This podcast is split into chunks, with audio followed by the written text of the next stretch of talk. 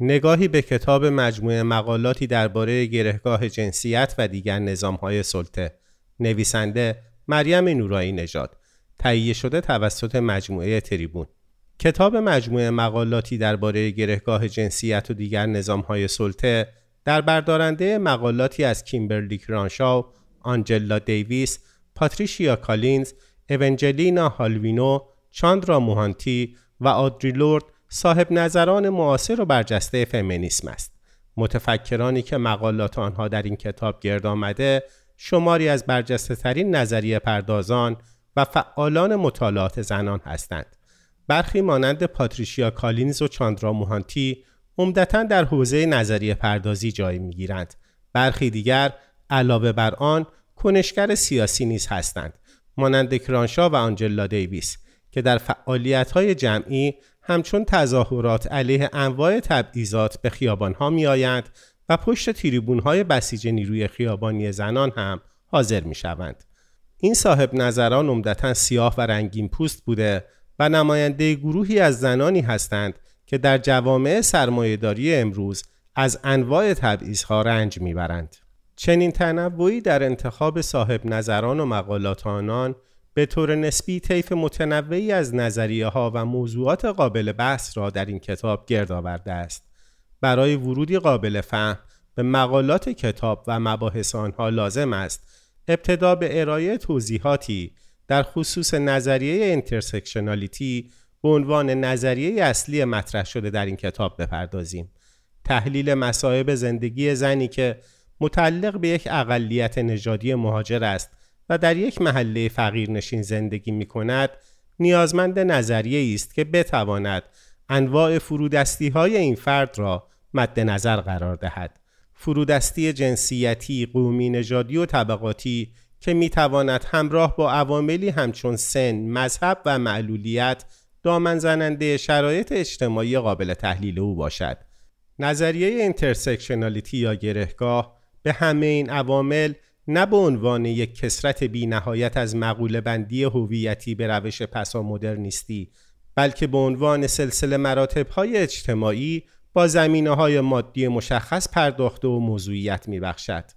در نظریه intersectionality اشکال مختلف تبعیض و محرومیت به هم مرتبط و در هم تنیدند. مفهوم ستمدیدگی در چنین شرایط پیچیده که یک فرد به طور همزمان اشکال گوناگونی از فرودستی را در زندگی و فردی اجتماعی خود تجربه می کند مفهومی قابل تأمل و تحلیل است. intersectionality یا گرهگاه با تمرکز بر همین در هم تنیدگی اشکال مختلف ستم تنها به توصیف تک‌بعدی سلطه نپرداخته و بر آن است تا پا را از تمرکز و توجه صرف بر مفهوم به حاشیه رانده شدگی فراتر گذاشته و به این پرسش پاسخ دهد. که چگونه جنبش های رهایی بخش تنها با تکیه بر یکی از ابعاد هویت مثل زن بودن، سیاه بودن، کارگر بودن و غیره مانع از طرح و بررسی تجربه های چند لایه فرودستی می شوند. کتاب مجموعه مقالات گرهگاه جنسیت و دیگر نظام های سلطه با به چالش کشیدن رویکردهای تکبودی در مطالعات زنان و نظریه پردازی های حوزه علوم اجتماعی، تنوع زیستی گوناگونی مسائل و دقدقه های لایه های مختلف اجتماعی و فرهنگی را مد نظر قرار داده و میکوشد توجه کارشناسان را به ارائه راه حلها و یافتن معیارهای چندگانه برای مسائل چند وچی جلب نماید. مرد نبودن، سفید پوست نبودن، به طبقه مرفه و ممتاز مالی اختصاص نداشتن و از هر نظر فرودست بودن به معنای در هم تنیدگی اشکال ستمی است که در ابتدا توسط زنان سیاه و پیشتاز وارد عرصه مفاهیم اجتماعی شد و نظریه intersectionality گرهگاه یا تقاطع یافتگی را شکل داد که به معنی مطالعه مفهوم روابط تبعیض‌آمیز در گروه های اقلیت است. استعاره intersection اولین بار توسط کیمبرلی ویلیامز کرنشاو فمینیست سیاه به کار گرفته شد. او شرح می دهد تبعیض مانند عبور و مرور در یک چهار راه ممکن است در یک جهت جریان یابد یا در مسیری دیگر. اگر سانحه‌ای در یک تقاطع اتفاق بیفتد باعث و بانی آن می تواند ماشین های عبوری از هر کدام از این مسیرها و گاهی از همه مسیرها باشد. اما همیشه بازسازی یک تصادف آسان نیست. گاهی اوقات علائم ترمز و صدمات به سادگی نشان می دهد سوانح به طور همزمان رخ داده است. که تلاش ها را برای یافتن راننده مقصر به ناکامی می کشانند. نظریه intersectionality تنها در مورد به حاشیه رانده شدگی در تقاطع نظام های سلطه بحث نمی کند بلکه با تمرکز بر راه و روش های رهایی بخش جنبش های اجتماعی سیاست های هویت را نیز مورد نقد قرار می دهد. به زبانی ساده بیان تجربه های چندگانه فرودستی هدف اصلی نظریه intersectionality است. ترسیم حاشیه ها، تقاطع یافتگی، سیاست های هویت و خشونت علیه زنان رنگین پوست اثر کیمبرلی کرنشاو اولین مقاله این کتاب است. کرانشاو در این مقاله نشان داده است که چگونه تجارب زنان رنگین پوست اغلب محصول تقاطع یافتن الگوهای نجات پرستی و تبعیض جنسیتی است و چگونه این تجارب مستعد آن هستند که هم در گفتمان فمینیسم و هم در گفتمان ضد نجات پرستی بیان نشوند. از نظر او گفتمانهای فمینیستی و ضد نجات پرستانه حاضر در توجه به هویت‌های تقاطع یافته مثل هویت زنان سیاه ناکام بودند. بسیاری از تجربه های زنان سیاه درون مرزهای مرسوم تبعیض جنسیتی یا نژادی نمی گنجند و نژاد و جنسیت با هم تقاطع می‌یابند تا جنبه های ساختاری، سیاسی و بازنمایانه خشونت علیه زنان رنگین پوست را بسازند. کرانشاف در بخش اول مقاله خود به این می‌پردازد که چگونه قرار گرفتن زنان رنگین پوست در تقاطع نژاد و جنسیت سبب می شود تجربه واقعی آنان از خشونت خانگی متفاوت با تجربه زنان سفید از کار درآید و در بخش دوم نشان می دهد که چگونه هر دو سیاست فمینیستی و ضد نجات پرستی اغلب به طور متناقضی در به راندن موضوع خشونت علیه زنان رنگین پوست دست داشتند. در بخش سوم مقاله نیز بحث از این است که چطور مناظرات پیرامون بازنمایی زن رنگین پوست می تواند در فرهنگ عامه نیز موقعیت زنان به ویژه زنان رنگین پوست را از قلم بیاندازد و به این ترتیب عامل دیگری در ناتوانسازی تقاطع یافته شود. از جمله تاکیدات کرانشاف در این مقاله اندیشیدن به چگونگی تجمع قدرت پیرامون برخی مقوله هاست از نظر وی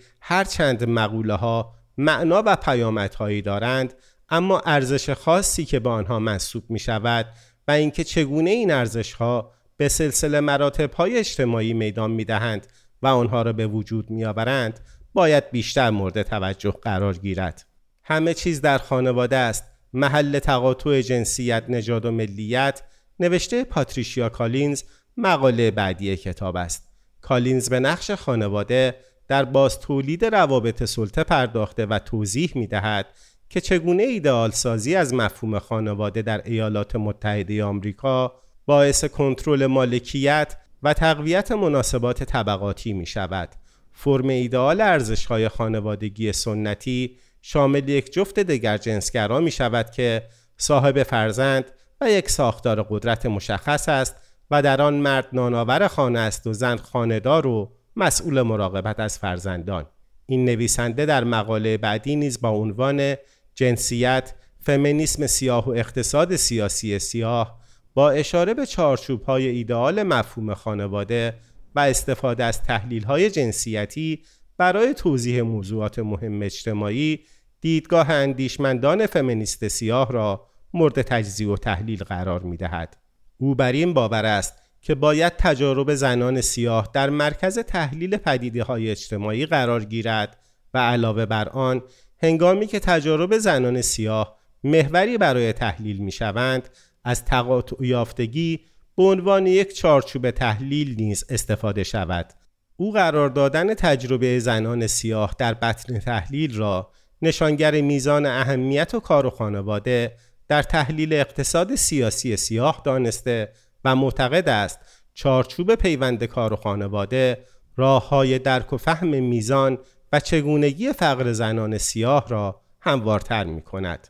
اشتغال زنان سیاه در شغلهای پایین و با درآمدهای ناپایدار نشانگر چگونگی همدستی نژاد و جنسیت در رقم زدن نرخ فقر بالاتر زنان سیاه در مقایسه با مردان هم نژادشان است. از نظر کالینز، الگوهای نژادگرایانه مصرف نیز فشارهای مضاعفی را به زنان سیاه وارد می کنند. از آنجایی که زنان به طور معمول مسئول مراقبت از کودکان خانه هستند، مقدار زیادی از خریدهای خانه، خوراک، پوشاک، بهداشت و درمان، حمل و نقل، تفریح و دیگر کالاهای مصرفی را انجام می دهند. نجاتگرایی مصرفی در تمام این حوزه به این معناست که درآمد محدود زنان سیاه از همان قدرت خریدی که زنان یا مردان سفید با درآمدی مشابه دارند برخوردار نیست.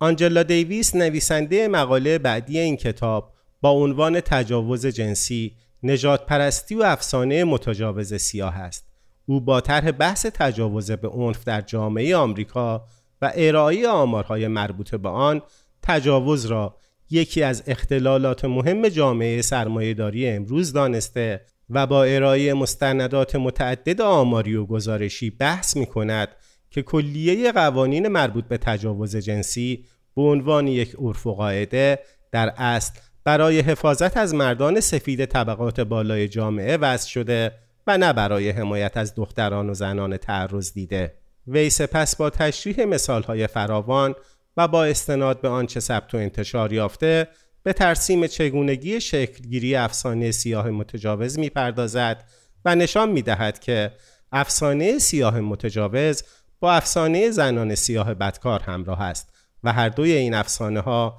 برای بهره کشی بیشتر از مردان و زنان سیاه جنبه اجتماعی و عرفی یافتند. او در مقاله خود از روندهای چگونگی ثبت و جمعآوری آمار تجاوزهای جنسی و شرایط زندگی اجتماعی سیاهان به عنوان دو دلیل اصلی شکلگیری افسانه سیاه متجاوز یاد کرده و نشان می دهد که چطور جامعه سفید حاکم در بسیاری از موارد قبل از رخداد تجاوز بدون هیچ سند و مدرک محکمه پسند و بدون آنکه اجازه دفاع به متهم سیاه را بدهد او را به مجازاتی میرساند که نشانگر تسلط سیاسی بر مردم سیاه به عنوان یک کل واحد است. نجات پرستی جلوگیری از آبستنی و حقوق باروری نام دیگر مقاله این کتاب است. آنجلا دیویس با طرح تاریخچه بحث مادری داوطلبانه بر این باور است که هرچند بهرهمندی از سلامت و بهداشت کامل و تصمیم کاملا شخصی در پذیرش یا رد بارداری حق همه زنان است و این موضوع توانسته زنان با خواستگاه های متفاوت را گرد هم آورد اما در واقعیت جنبش جلوگیری از آبستنی در گرد هم آوردن زنان با خواستگاه های اجتماعی مختلف موفق عمل نکرده و رهبران جنبش نتوانستند تمامی نگرانی های واقعی زنان را عمومیت بخشند. در حقیقت پیشینه تاریخی این جنبش در قلمرو به چالش کشیدن نجات پرستی و استثمار طبقاتی چندان رضایت بخش نبوده است. علاوه بر خالی بودن جای زنان سیاه در جنبش جلوگیری از آبستنی شواهد نشانگر ذات نجات پرستانه سیاست کنترل جمعیت داخلی دولت آمریکا نیز هست. زنان سیاه مهاجران پورتوریکویی، سرخپوستها و مکزیکی ها در ابعاد وسیع عقیم می شوند. طبق پژوهشی در مرکز تحقیقات بهداشت باروری ملی که در سال 1970 توسط بخش کنترل جمعیت دانشگاه پرینستون انجام گرفت 20 درصد زنان متأهل سیاه برای همیشه عقیم شدند تقریبا همان درصد از زنان مکزیکی هم با جراحی نازا شده بودند دیویس در پایان مقاله خود یادآور می شود که کمپین های مدافع زنان سفید پوست رغبت چندانی برای حمایت از ضرورت کمپین علیه سوء استفاده از عقیمسازی زنان رنگین پوست از خود نشان نمی دهند و در حالی که در تمامی موارد به زنان رنگین پوست نازایی دائمی توصیه می شود برزایش بیشتر زنان سفید پوست متعلق به طبقات بالاتر اصرار ورزیده می شود. مقاله بعدی کتاب با عنوان زوال غریب الوقوع کارخانگی چشمانداز طبقه کارگر نیز نوشته آنجلا دیویس است. هرچند داستان جانسوز کارخانگی و اینکه مردان و نظام سرمایهداری دارای این تفکر نهادینه شدند که خانهداری کار زنان است